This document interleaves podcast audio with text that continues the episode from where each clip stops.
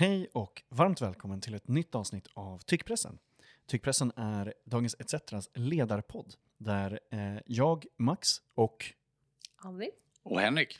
eh, pratar med eh, inbjudna gäster och eh, andra om vad som är mm, rätt och riktigt, kul och tråkigt och framförallt kanske vad som är bra och dålig politik. Eh, glad fredag hörni! Glad fredag, Max. Oj, vilken allvarsam Ja. ton. Och Annie fick inget eh, glad fredag från dig. Nej, Nej, Alltså, ja, men det var ju du som ställde kvinnohat. frågan. Ja, Det var ju du som ställde frågan. Ja, men jag tycker det är G- fint. Glad fredag på dig också. tack. Jag vet om Annie. att du unnar mig en glad fredag. Alla unnas glada fredagar. Mm. Och vilken fredag efter ehm, en vecka.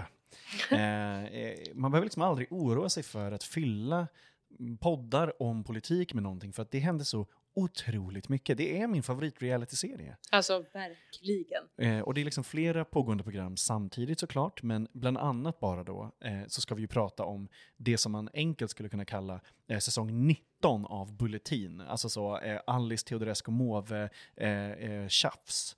Eh, det ska bli väldigt eh, roligt. Men först och främst så är det här ett första avsnitt. Woo! Eh, jag eh, kommer klippa in en, eh, den första fina fanfaren jag hittar i det här. Fantastiskt. Mm, den kommer låta nu.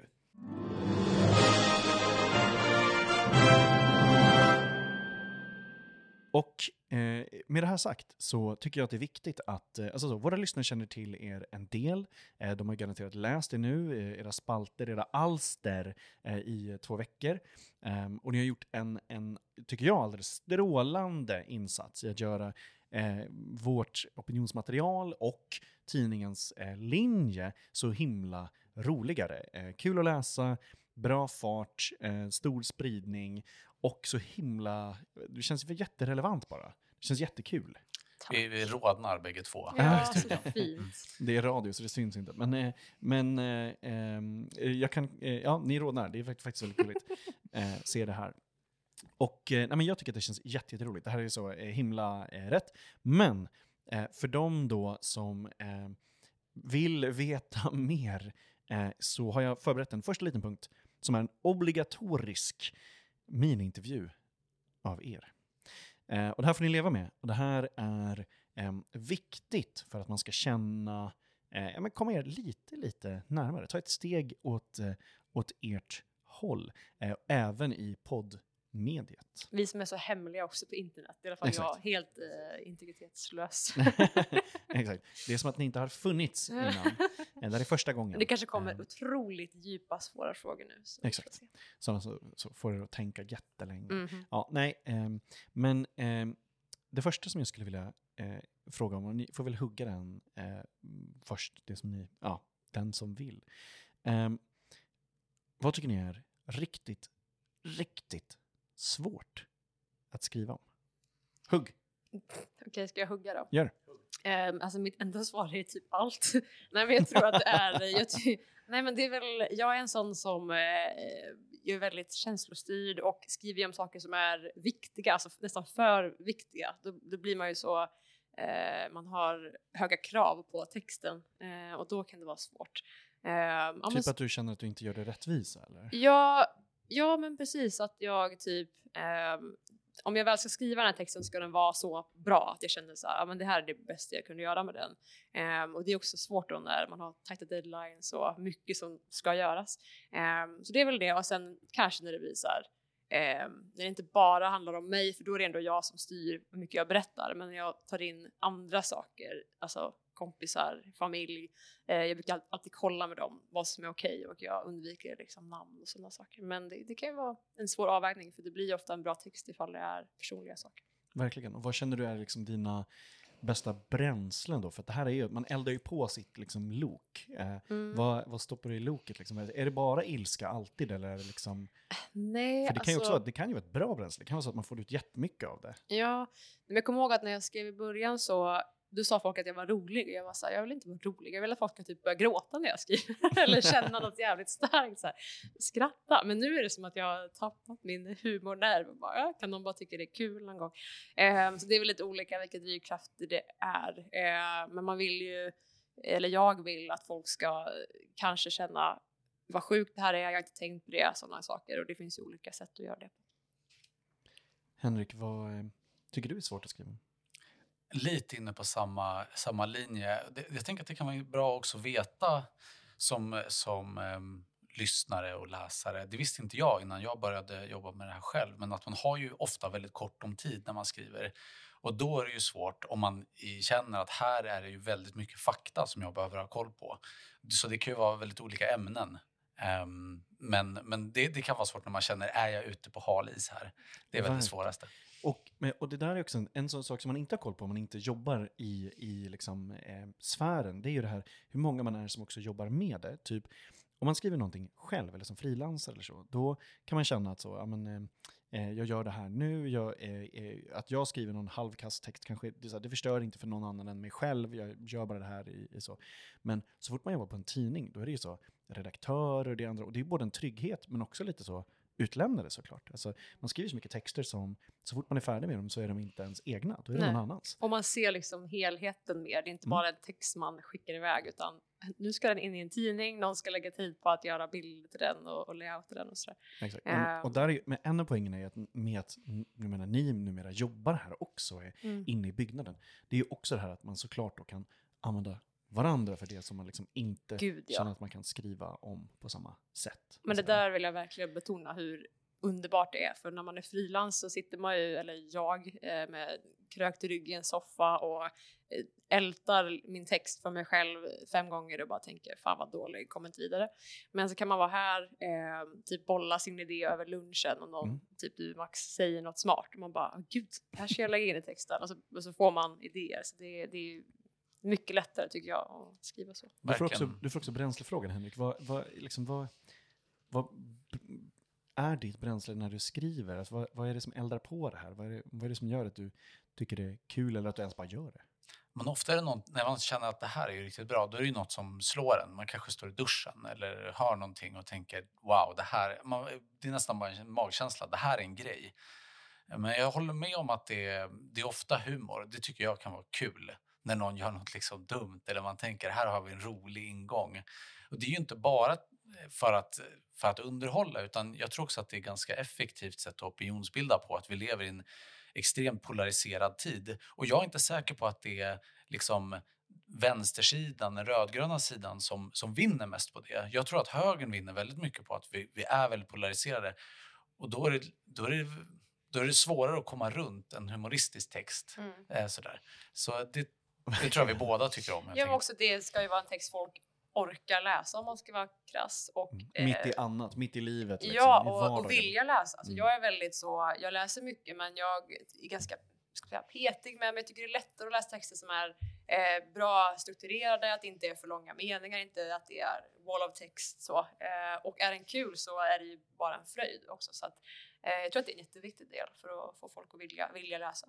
Tycker ni det är läskigt eller kul att eh, skriva om helt nya ämnen? Henrik, du känns ju lite nyfiken av dig.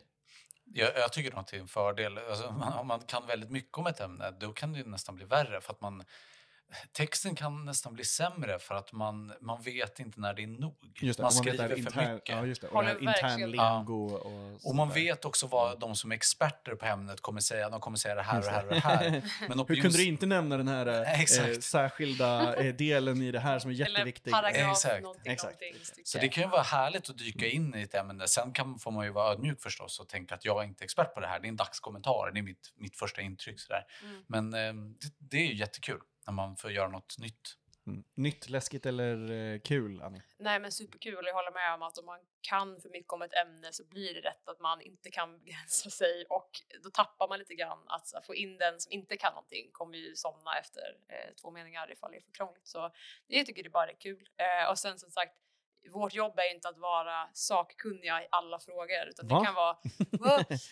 Ska inte ni vara så? Det moraliskt rätta i allt? Ska inte så? nej, men folk, folk tror ju det. Nej, nej, men, eh, och jag tror att man kan inte begränsa sig till att bara skriva om det man känner sig 100% kunnig i. Det hade ju varit smalt. För mig hade det varit längdskidor och klimatpolitik.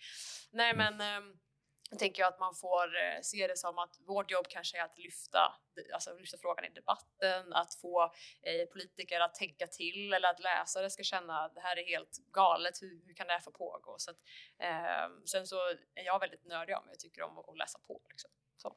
Men det är kul att ni får vara den typen av, alltså det är ju eh, en få förunnad lycka att kunna vara typ så uttolkare av någonting för då en grupp som är liksom eh, superhängiven att läsa era grejer från start. Alltså Mm. vi har ju liksom alla våra läsare och de är ju skittaggade på det här. Men alltså, det är så fint. Jag vill verkligen bara betona hur otroligt lyxigt det är ju. Eh, Mm. och jag tror jag talar för oss båda. Och att få läsarrespons som är eh, peppig men också att man får eh, idéer från läsarna. Alltså man får Mm. Har verkligen... ni fått kul mejl de här två, första veckorna? Har ni fått något liksom? Ja, alltså jag, tro, jag trodde det skulle vara mer arga mejl faktiskt. Ofta. Men Mm. det har varit ja, men, Ja, kvin- i kvinna i offentligheten. offentligheten. Ja, mm, mm. eh, ja, skriver saker med åsikter. Mm. Nej men Hur det har varit... vågar Eh, hur vågar man? Ditt korkade vänstervåp. Usch. Mm. Ja, nej, så för mig har det varit jättefint. Och du har också fått bra. Verkligen, men man skickar gärna mejl. För det, man blir ju väldigt glad och det är särskilt eh, en tidning som, som den här så, så är det ju viktigt att ha kontakt med, med läsarna. Mm, Det är ju en rörelse på något sätt. Så att jag, jag tycker bara det är väldigt kul när man får respons. Så. håller med. Och jag sparar och liksom läser Mm. allt som kommer in, förutom kanske då ditt dumma vänstervåp. Det, det, det dokumenterar jag. Du bara tack för din ovärderliga feedback, Hans-Göran. Ja. Det, det bästa med hatarna, de som skickar hatmejl, det är att de skriver alltid hatet direkt i ämnesraden. Ja. Så man kan bara sortera bort dem.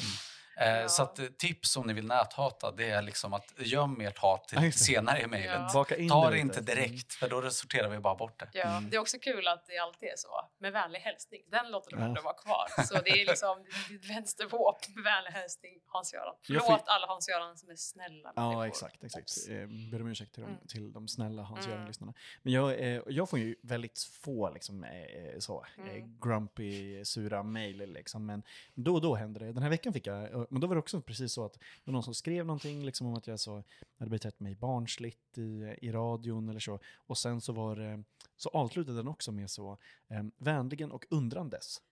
Det är väldigt fint. Eh, Eh, och då svar, för den personen skrev då så här, ja men typ så, eh, jag kräktes när jag hörde din barnsliga fadäs på radion typ. Eh, jag, jag var ju med i P1 Morgon så då får man det här fins, fisförnäma hatet. Ehm, men då, ehm, och då svarade jag jätte, jätteseriöst, jag skrev så, eh, hej, tack för att du tog dig tid att mejla mig. Ehm, jag, jag ber om ursäkt för det här med kräkningarna, det kan ju inte vara så trevligt att lägga en morgonpizza. Eh, liksom, eh, så jag har inte fått något svar än, men jag, jag tycker det också är det viktigt med kontakten. Ehm, vi, vi har pratat lite om vad det är svårt att skriva om. Vad, vad, vad är svårt att podda om då? Är, det något liksom, vad känner ni för begränsningar här? Jag, jag vet faktiskt inte. Det, Känner du att det är en trygg sfär att kunna liksom vara lika nyfiken här då? För du kommer ju, du kommer ju leda den här podden ibland. mm. det svåra är väl kanske att vara rapp. Alltså det är ju inte ett vanligt samtal eh, helt och hållet. Utan man, så det är ju klart att det Men jag vet inte om det är något speciellt ämne eller så som Nej. jag tycker... eh, Vi får väl se. Eh, Vi kan göra en utvärdering om ett halvår så kan jag berätta vad som var jobbigt. Ja, definitivt. Kvartssamtal. Ja, ja det, jag kan tänka mig att ha ett kvartssamtal i Fan vad mysigt. Ja, Ja. jag kan tänka mig det. Ja. Annie, du då? Vad, eh, Ja, jag, jag har faktiskt Svårt. ett exempel. Det var när vi poddade om AI. Mhm. Och jag tror att för mig är det inte jobbigt att prata om det som jag inte kan, utan det jag tycker är ganska tråkigt. Och jag tycker AI är ganska tråkigt. Och det får man inte säga nu, för då är man så sjukt otrendig och alla killar blir så himla sura. Men vad fan, var Eh, motvalls. Ja, nej men så att för mig är det så här, shit nu ska jag typ alltså vräka fram någon sorts åsikt här, men jag känner absolut ingenting. Alltså det är ju så ibland. Det hade varit kul om du sa det. Sa du det? i- i Nej, jag podden? vågade nog inte. Förlåt Max. Nej men du sa nog, Ehm, fast du, du, du var nog inne lite på det Jo, spåret i så, jag sa det, du, lite att, grann. det- Men också att du sa så att det, här kanske inte är det som liksom får dig mest engagerad. Jo, jag tror jag sa att min starkaste åsikt var att jag tycker folk har för starka åsikter typ och Ja, eh, ja. att eh, AI-killar eh, borde chilla lite. Jag tror att du har en stor majoritet av svenska folket Gud, ja. bakom dig. Framförallt kvinnorna kanske som är Ja, trötta på... Jag sa ju kanske då också, förlåt till min sambo nu, men han har ju fått en så budget för hur mycket han får prata om eh, AI hemma. Helt rätt. En pratbudget. Ja, alltså typ han får säga en grej om dagen och sen så är det nog. För jag orkar inte höra mer. Nej men det, det är ju så med eh, patrikatet, nej pa, patriarkatet. Ja, ja. Paitrikatet, ja. Ah. Exakt. Mm. Ehm, bra, eh, nu har vi kommit er lite närmare. Nu ska vi prata politik och saker som händer. Ehm, och eh, Du kunde sagt prata allvar, men då kände jag nej. Det här med KD, KD-kaos och sådär. Det är, inte, det är inte så. allvar. Precis så. För eh, helt ärligt hörni, Kristdemokraterna lever för drama. Eh, den här veckan har varje dag dominerats av en, och till och med, alltså det, här ju, det började ju söndag, så att en dag innan den här veckan, en dag in i förra veckan, har varje dag dominerats av en ny nyhet kopplat till, vad ska man kalla det? Alice Gate, Sara Gate. Det är så mycket folk som är inblandade i den här Jag säga soppan. politikens mean girls, men det fick Ja. jag inte för Max för att det var Kvinnohat, kvinnohat. precis. Men, men KD Mean Girls, ja men så här, det, den här, vi måste, den här soppan i alla fall, är så rolig.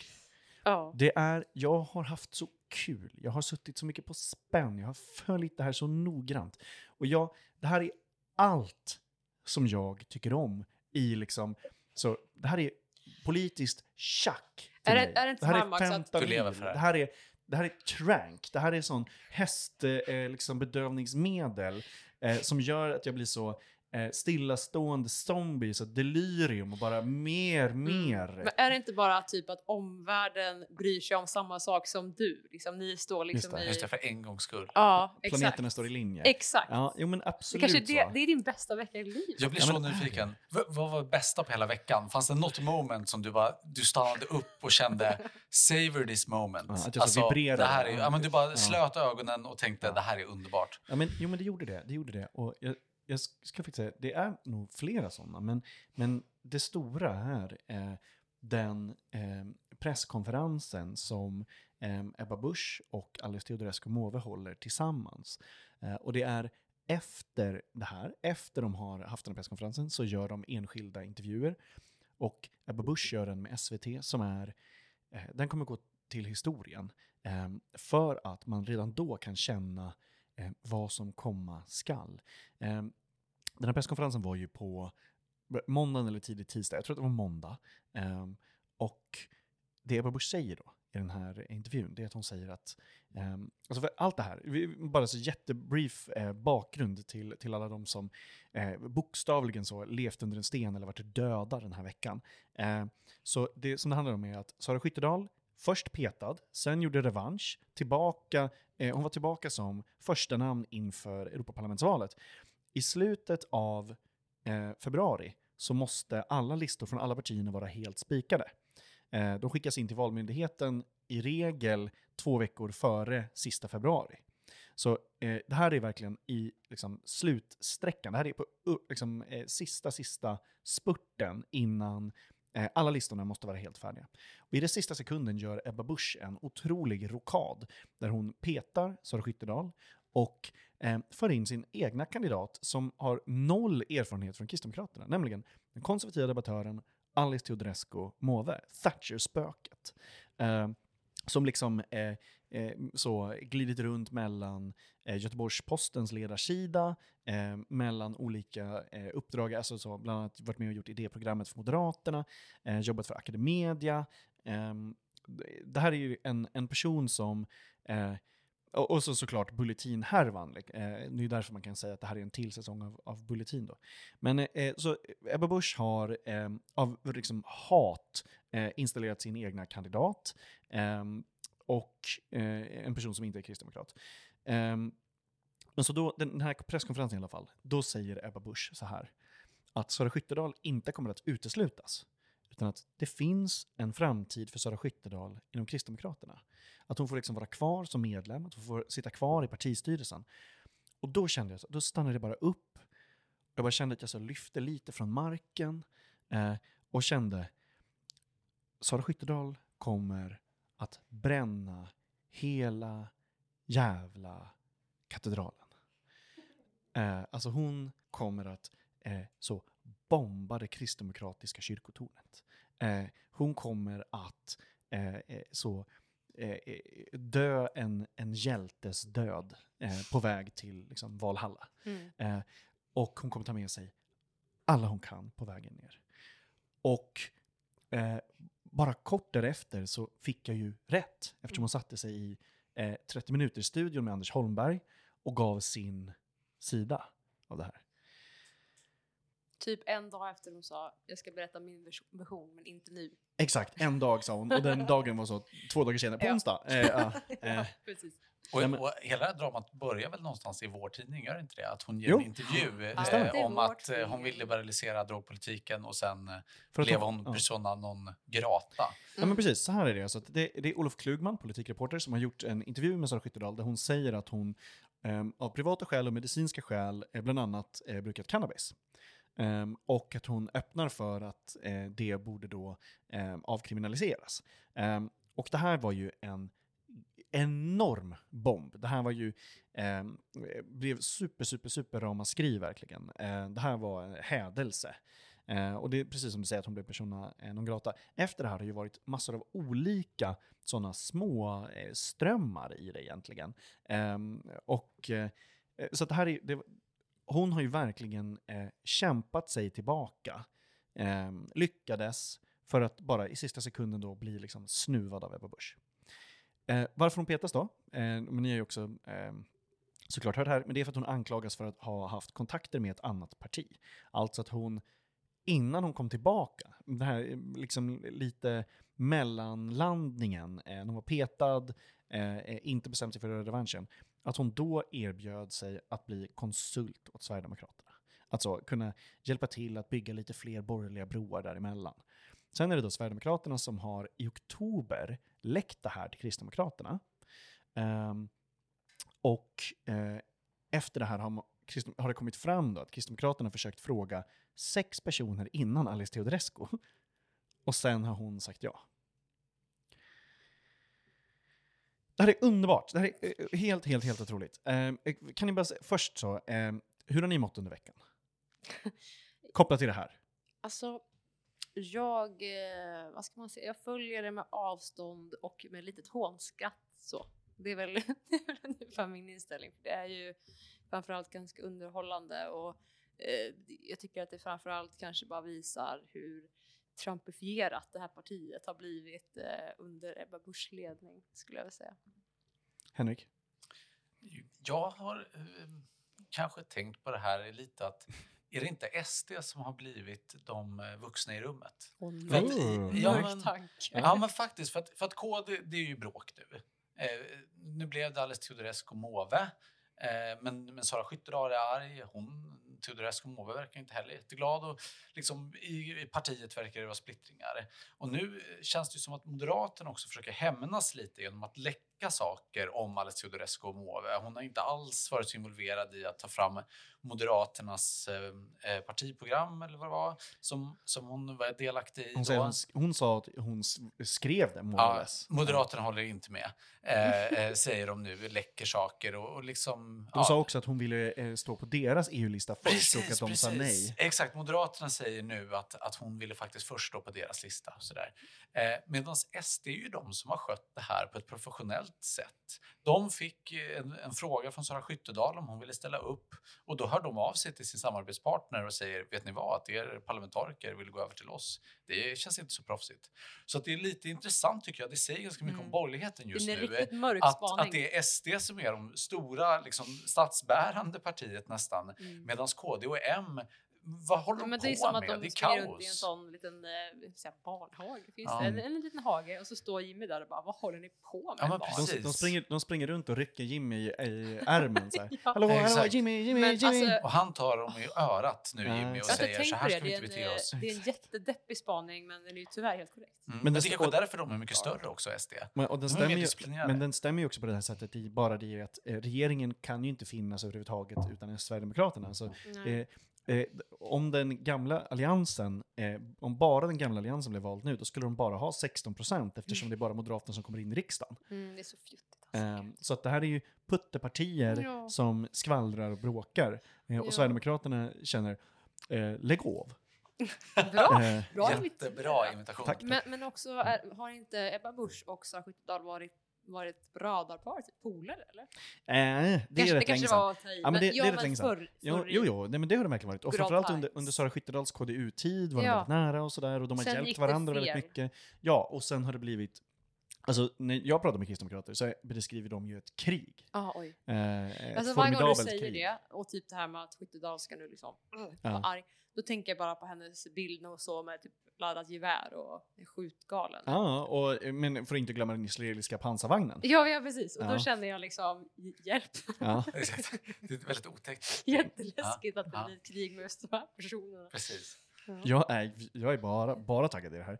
Eh, jag ser fram emot när de blir så COD-skins. Eh, som andra, det finns amerikanska politiker och idrottsstjärnor som blir Det här skins i kan ju COD. bli ett eh, typ tv-spel känner Det jag. precis det. Ja. Eh, nej men, och, eh, det, det här har ju fått massor av olika effekter. Alltså dels då att det har blivit liksom, eh, skvaller på borgerlighetens skolgård. Men också att sv- SVT har behövt, efter fem avsnitt, lägga ner och göra om sitt debattprogram Teodorescu och Suhonen. Eh, istället för att göra färdigt då de åtta avsnitten som planerat, så fick Alice hoppa av omedelbart. Eh, och eh, där man har tagit in tre eh, andra högerprofiler så att de får ett avsnitt var. Det är PM Nilsson, det är Henrik Jönsson och det är Tove Livendal. Eh, som allihopa har varit omnämnda i den här podden förut. Eh, vad, hur reagerar ni på det? Eh, nu är man så, det, det, var, det skulle vara ett nytänkande debattprogram. Eh, nu har man fått eh, nytänka om nytänket. Jag tycker faktiskt att...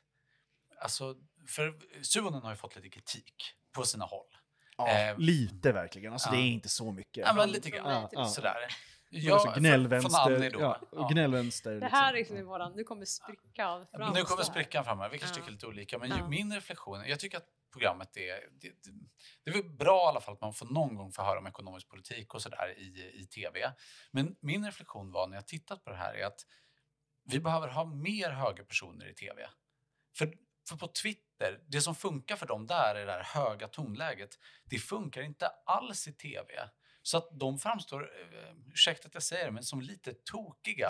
Och Oj, Suhonen- vad, vilka hårda ord här. Nej, nej men du måste ta tillbaka det här. Jag kommer behöva prata med ansvarig utgivare. Eh, eh, så, åh nej. Ja. Jag, jag backar. De, de framstår som lite eljest. Precis. Så, medan Suhonen, Inte i toppform. som Nej. brukar ibland beskrivas som liksom, det här är den stora vänster Skägget. ja, vänsterskägget i Socialdemokraterna. Han framstår ju plötsligt som en mittenpolitiker bredvid dem. Som liksom en gråsosse. Han får en ganska bekväm roll. Han kommer Där bli han- jätteledsen av att höra det. Ja, det är verkligen. Han är en katastrof för hans varumärke. Men, Ja. men han framstår ju som väldigt resonabel och rimlig och sådär. Så att jag tror att det kanske är en ganska bra grej. Ja, alltså- Kommer jag ifrån frågan här? Nej, jag nej. har bara tänkt mycket på det här. Jag kan ta vidare. Ja, det om. Ja, För- kör. För ja, det där resonemanget köper jag, men det jag inte köper är ju Henrik Jönsson. Alltså han... eh, Men fattar hur Suhonen kommer, han kommer ju framstå som Alltså- lite lamm i jämförelse. Ja, fast det är nog de som redan tycker att Suhonen är snäppet vettigare än tokiga Henrik Jönsson. Förlåt, men han är ju tokig. Ja, ehm, och då tänker jag så här.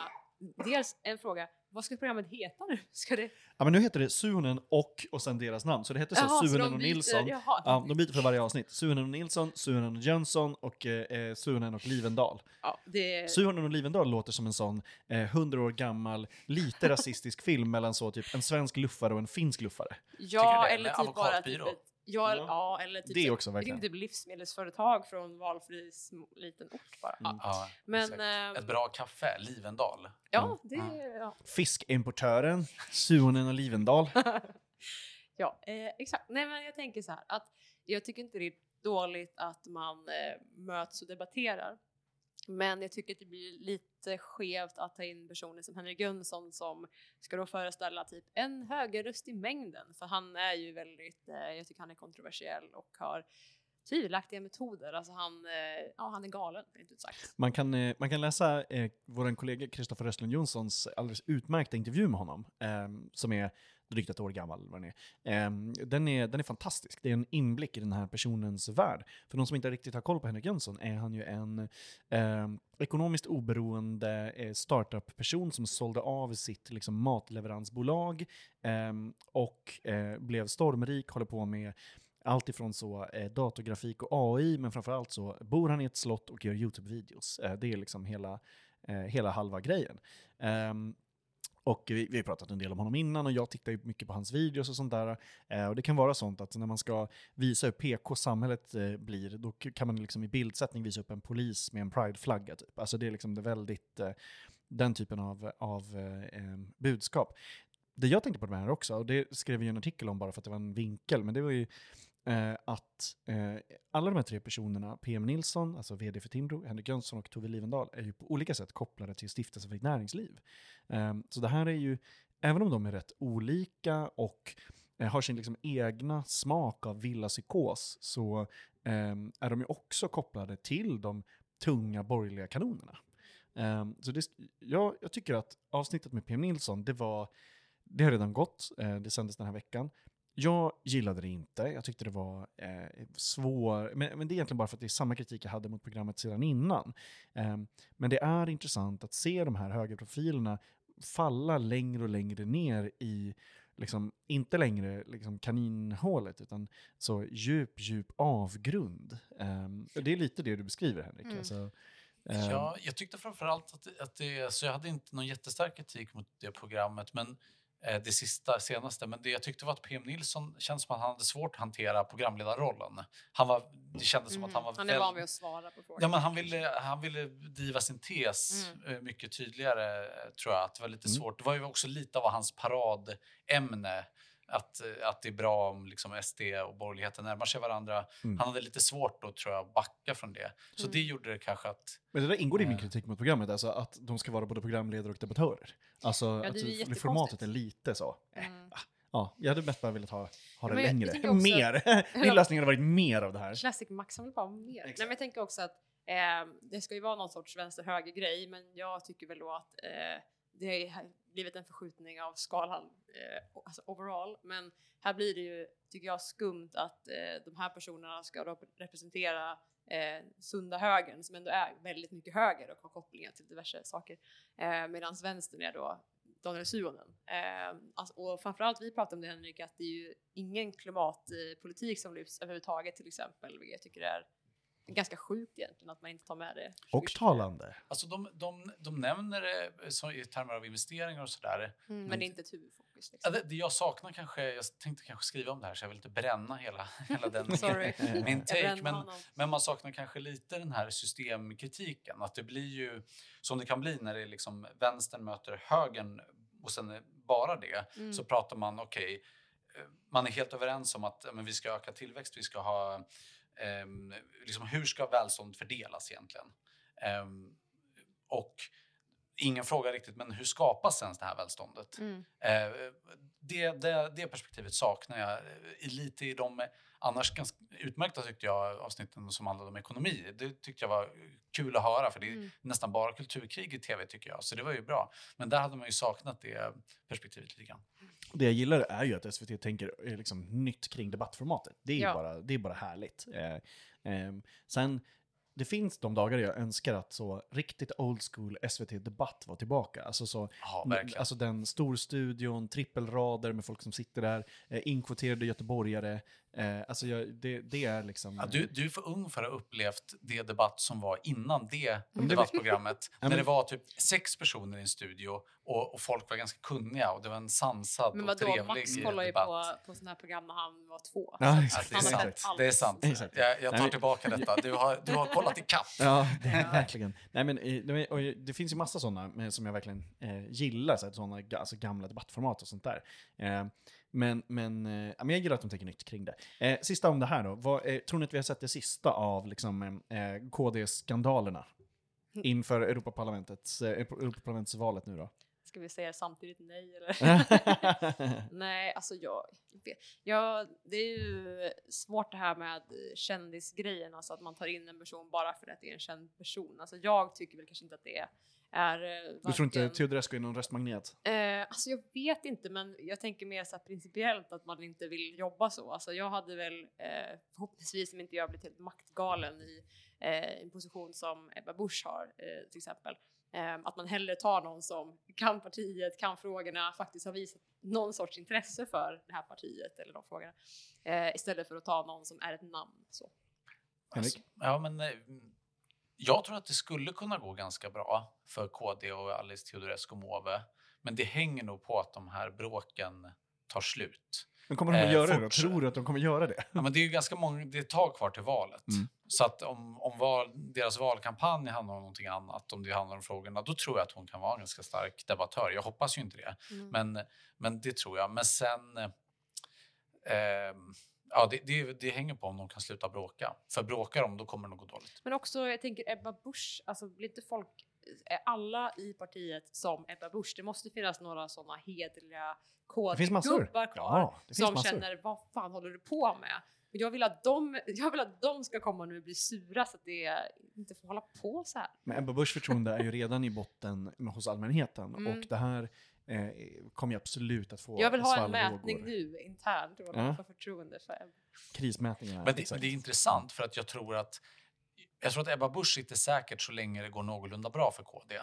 Men om det här valet blir en flopp, Ja, då, då sitter hon och löst. Så jag tror Mm. att det här, på, på det sättet har hon ju spelat upp det här EU-valet genom att hon, det blir, jag, jag kan ju inte säga att det är så, men känslan är ju att det är nästan Ebba Busch som har kuppat in Alice Teodorescu Måwe. Mm. Och då blir ju spelet mycket högre än om hon bara hade låtit det vara. Hon låter Så- också stå och falla med hennes trovärdighet Exakt. hon säger Ja, så. verkligen. Alice har jag känt väldigt länge, det här är Mm. liksom, eh, det här är väldigt viktigt känner vi från partiets ledning. Exakt. Hon, Mm. hon har också frontat hela det här. Alltså hon hade ju, om hon hade velat, kunnat stå i bakgrunden och låta till exempel nomineringskommittén Exakt. ha den här grejen. Att säga, Mm. vi i nomineringskommittén har kommit fram till att hon inte är bra för det här, vi har tagit fram en ny kandidat. Mm. Och hon hade kunnat säga, jag vill inte säga ett ord om det här, för jag vet att det är den här konflikten mellan mig och Sara Skyttedal. Det blir Liksom. högre odds nu.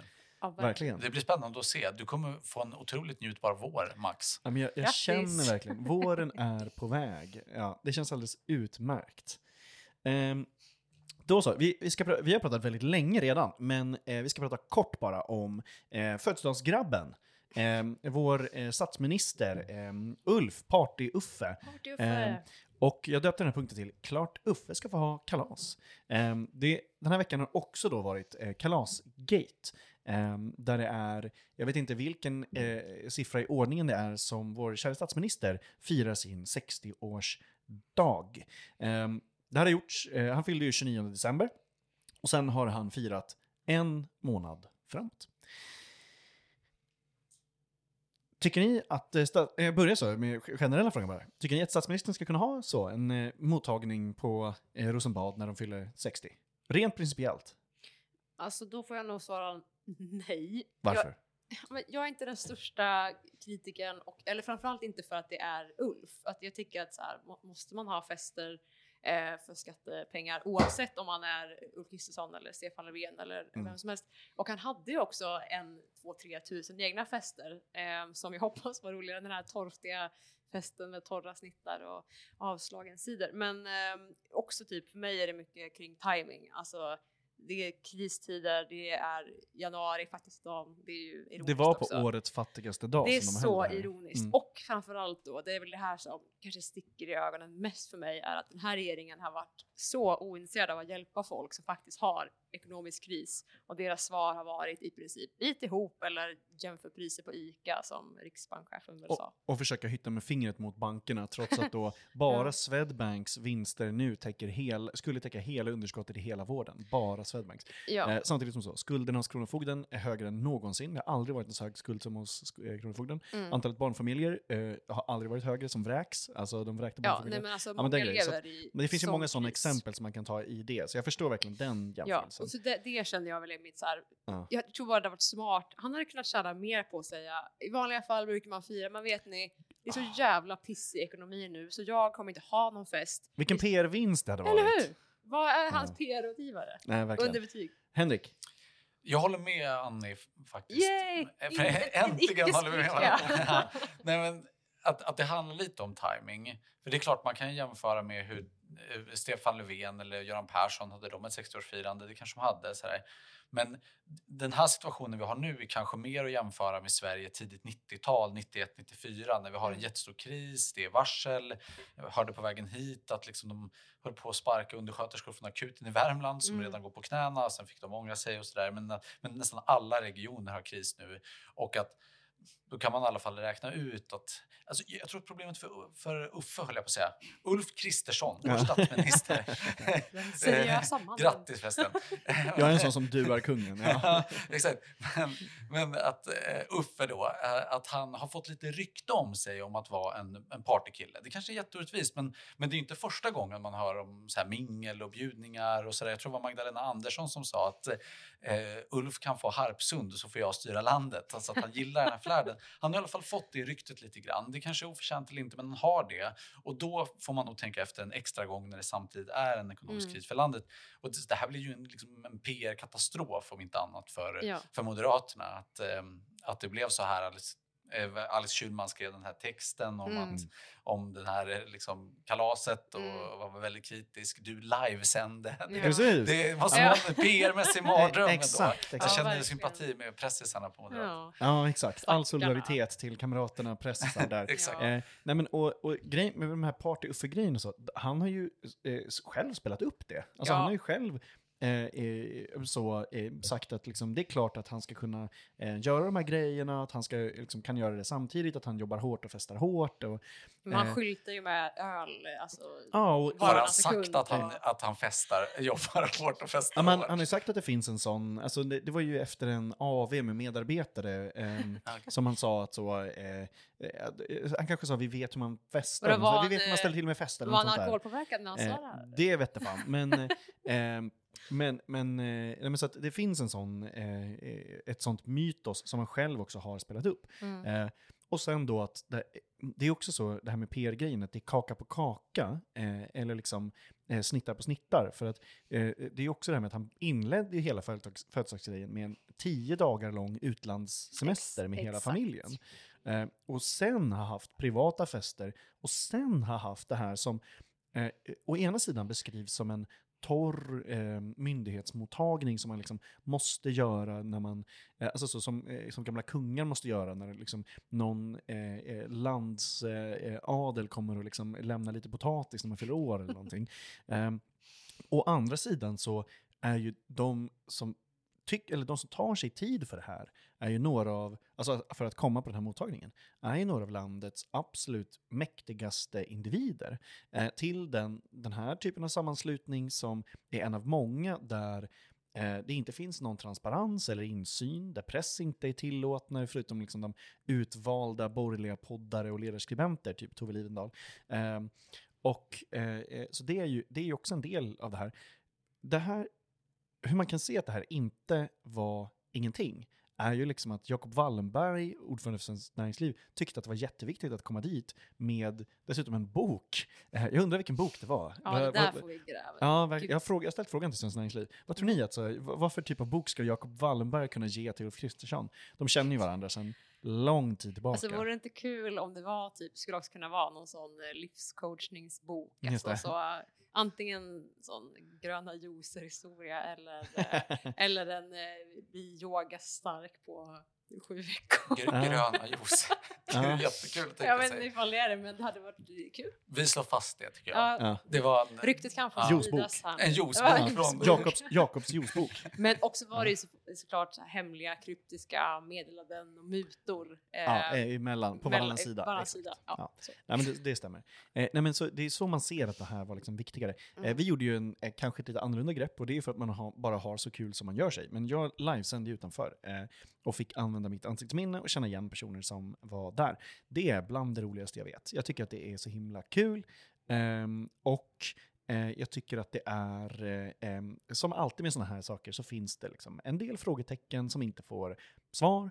Och då är det ju bokstavligen vårt jobb att lyfta upp dem. Alltså det här är ju allmänheten som ska få ta ställning till det här, inte de som... Alltså det spelar ingen roll om de som var där uppfattar det som lyxigt eller självklart eller till och med vardagligt att äta lite snittar i, i Rosenbads bankpalats. Eh, det får man tycka, det får man känna. Men det är inte deras åsikt som spelar roll i det här. Eh, Nej. utan det är ju hur allmänheten ser på det. Nej, men precis. Det är ju allmänheten som betalar för kalaset bokstavligen. Så då är det ju rimligt att man i alla fall får veta hur mycket pengar har det gått och, och sådär. Så får Ja, man vilka- göra sin bedömning efter det. Ja, Ja. och sen så, och, och, så här, det här är ju pisspengar. Det här är ju inga pengar alls i det stora hela. Ingenting. Och, och eh, liksom, eh, eh, förberedelserna, nada. Eh, det, det, det där är... Kom, alltså det, man får känna att så här, det är viktigare om det är eh, superlyxigt eller om det är eh, eh, rätt barskrapat med lite godis och, och så. Det får man känna. Men det är ändå så att eh, oavsett kostnaden så finns det andra saker som kvarstår, för min del. Sen förstår jag också om de bara tänker så, fuck det här, det här är helt oviktigt, eh, det spelar ingen roll. Jag vill inte prata mer om den här eh, festen. Ja, det, men- det perspektivet ja. förstår jag helt och hållet också. Men också att vissa även i, i vänsterkretsar var ju så här att man ska fokusera på allt annat dumt. Man bara, Mm. det kommer vi också göra. Det är det enda vi gör Ja. Men jag, jag, den springande punkten är väl, det, det behöver inte vara en katastrof. Alltså, Stefan Löfven har säkert bjudit på tårtan han har eh, haft eh, när han fyllt år. Men, ja, och han har men flugit lika mycket runt världen med Business Sweden och Jacob Wallenberg, så att jag menar, det är inte en sån grej heller. jag tror att det är mer är, är, som du sa, att han hade vunnit väldigt mycket på att säga, vet ni vad, det här är inte riktigt läge läge för nu." firande Mm. och sådär. Det, det, det blir ju alltid sådär. Man ser väl också samma sak, i, det var ju värre i och för sig, men i Storbritannien. Ja, under, Partygate. eh, Ja, det, det För är där var det ju, värre. i England så hade de ju väldigt hårda restriktioner och man fick ju knappt träffa någon liksom. Och sen hade man en, en stor fest på regeringskansliet där. Jul-AV. Det var ju Alltså, många det- gånger ja. värre ska man säga, men, men man får ju tänka ett steg till i kristider kanske. Ja. Att, ehm, så, så är det ju Ja, någonstans. sen tror jag också att Det är en bra jämförelse. Ja, och som du sa så när eh, Steffe då fyllde år, då var det ju bättre tider eh, ändå, så man kanske inte tänkte lika mycket på det då. Eh, och sen tänker jag också att ideologiskt så, alltså högern sket väl i det, för de tycker väl att, ja men vadå lite skattepengar här, det gör väl ingenting. Men, Tror du det? För att de brukar ju, säga, de brukar ju citera den här Ja, men- socialdemokratiska gamla stats, eller finansministern om att eh, varje felspenderad skattekrona är ja stöld men för från dem är väl fattiga och typ sådär. fest inte det, det värsta, utan det är väl typ så, åh hjälpa fattiga barn. Men, och här såg, men alltså, det här ska man säga här också, alltså här såg ju högern också, man ser inte det som en stöld från de fattiga på något sätt där, utan man såg, såg ju till och med en funktion eh, Ja, i, i det här. Jag, jag var ju med i P1 Morgon då och pratade med en, en tidigare moderat riksdagsledamot som menade att det här eh, har, eh, i en tid när eh, Sverige är så i kristid och eh, även säkerhets och försvarspolitiskt eh, är mycket, mycket sämre läge, så är det viktigt att kunna samlas och att det här, den här mottagningen har bidragit till att stärka Sveriges försvarsvilja. Eh, vi ska börja runda av i det här, men jag vill fråga er, tycker ni att den här eh, eh, historien och kanske mottagningen, har det, har det stärkt er personliga försvarsvilja? Annie? Nej, alltså det är så kul att hon drar den växeln på det här för att eh, Ulf har så konstiga metoder för att få folk att vilja försvara det här landet. Alltså, han hade tjänat på att typ bara vara tyst, tror jag. Så att nej, det, det gav inte mig något. Henrik, det- är din försvarsvilja i topp nu? Den, den har stärkts betydligt. Jag var väldigt tveksam eh, in tills det här hände och då Mm. såg jag den här eh, tillställningen. Jag såg godiset de Mm, hade ställt mm. fram och så kände jag det här godiset, de här, här, det är värt att försvara. Mm. Det här kan jag dö för. Så att, eh, tveklöst ja. Du Bra. stod, du stod utanför Rosenbad och slängde din sabotagemanual i strömmen. Nu kan ni räkna med mig. Ja, exakt. Ulf, räkna med mig. Jag kommer. Eh, ja. Exakt. Ja, men, och, eh, med det sagt så eh, hoppas vi att ni som har lyssnat eh, känt att er personliga eh, resiliens och försvarsförmåga har stärkts av det här avsnittet av Tyckpressen. Eh, som vanligt så får ni jättegärna höra av er om ni tyckte att det här var kul eller kast. Om det är kast kan ni mejla mig, om ni tyckte att det var jättekul kan ni mejla Henrik och Annie. Och får jag kasta in en quizfråga Det får du verkligen. som man kan svara på om man vet eller man Oj. Som, som lyssnarna ska svara på. Ja, jag ska, jag ska ställa en fråga för att jag och en kollega här på redaktionen, Johan Svensson som är webbredaktör, eh, vi har bestämt oss för att Henrik har en, eh, en vad fan kallar han det? Alltså en röst, eh, en röst, en eh, sound-alike, alltså en röst lookalike. Oj. Och då tänker jag att, att om man har tänkt på det, eller tänker på det när man hör Henriks röst, då kan man eh, mejla någon av oss eller kommentera någonstans vem. Mm. Och jag kan säga att det är en ledtråd, att det är en, eh, en sportjournalist. Här, vill ni ha en liten sample nu? Som, Ja, så att ni kan liksom, nej, nej, vem låter göra- så här? Ja, exakt. Mm. Ja, vi ska, ja men precis. Ja, vi Nå- ska, vi sen ska någon gång kommer bjuda in den här personen så kommer man inte fatta någonting. Exakt, vi prata. pratar med varandra. Ja. Ja. Nej men det kan man gissa på. Om, eh, om ingen svarar nu så har jag inget case och nu får ni, ni får lösa det här. Hjälp Annie. Eh, med det sagt så eh, tackar vi så hemskt mycket för att ni lyssnade den här eh, veckan. Hej då! Hej då! Hej då!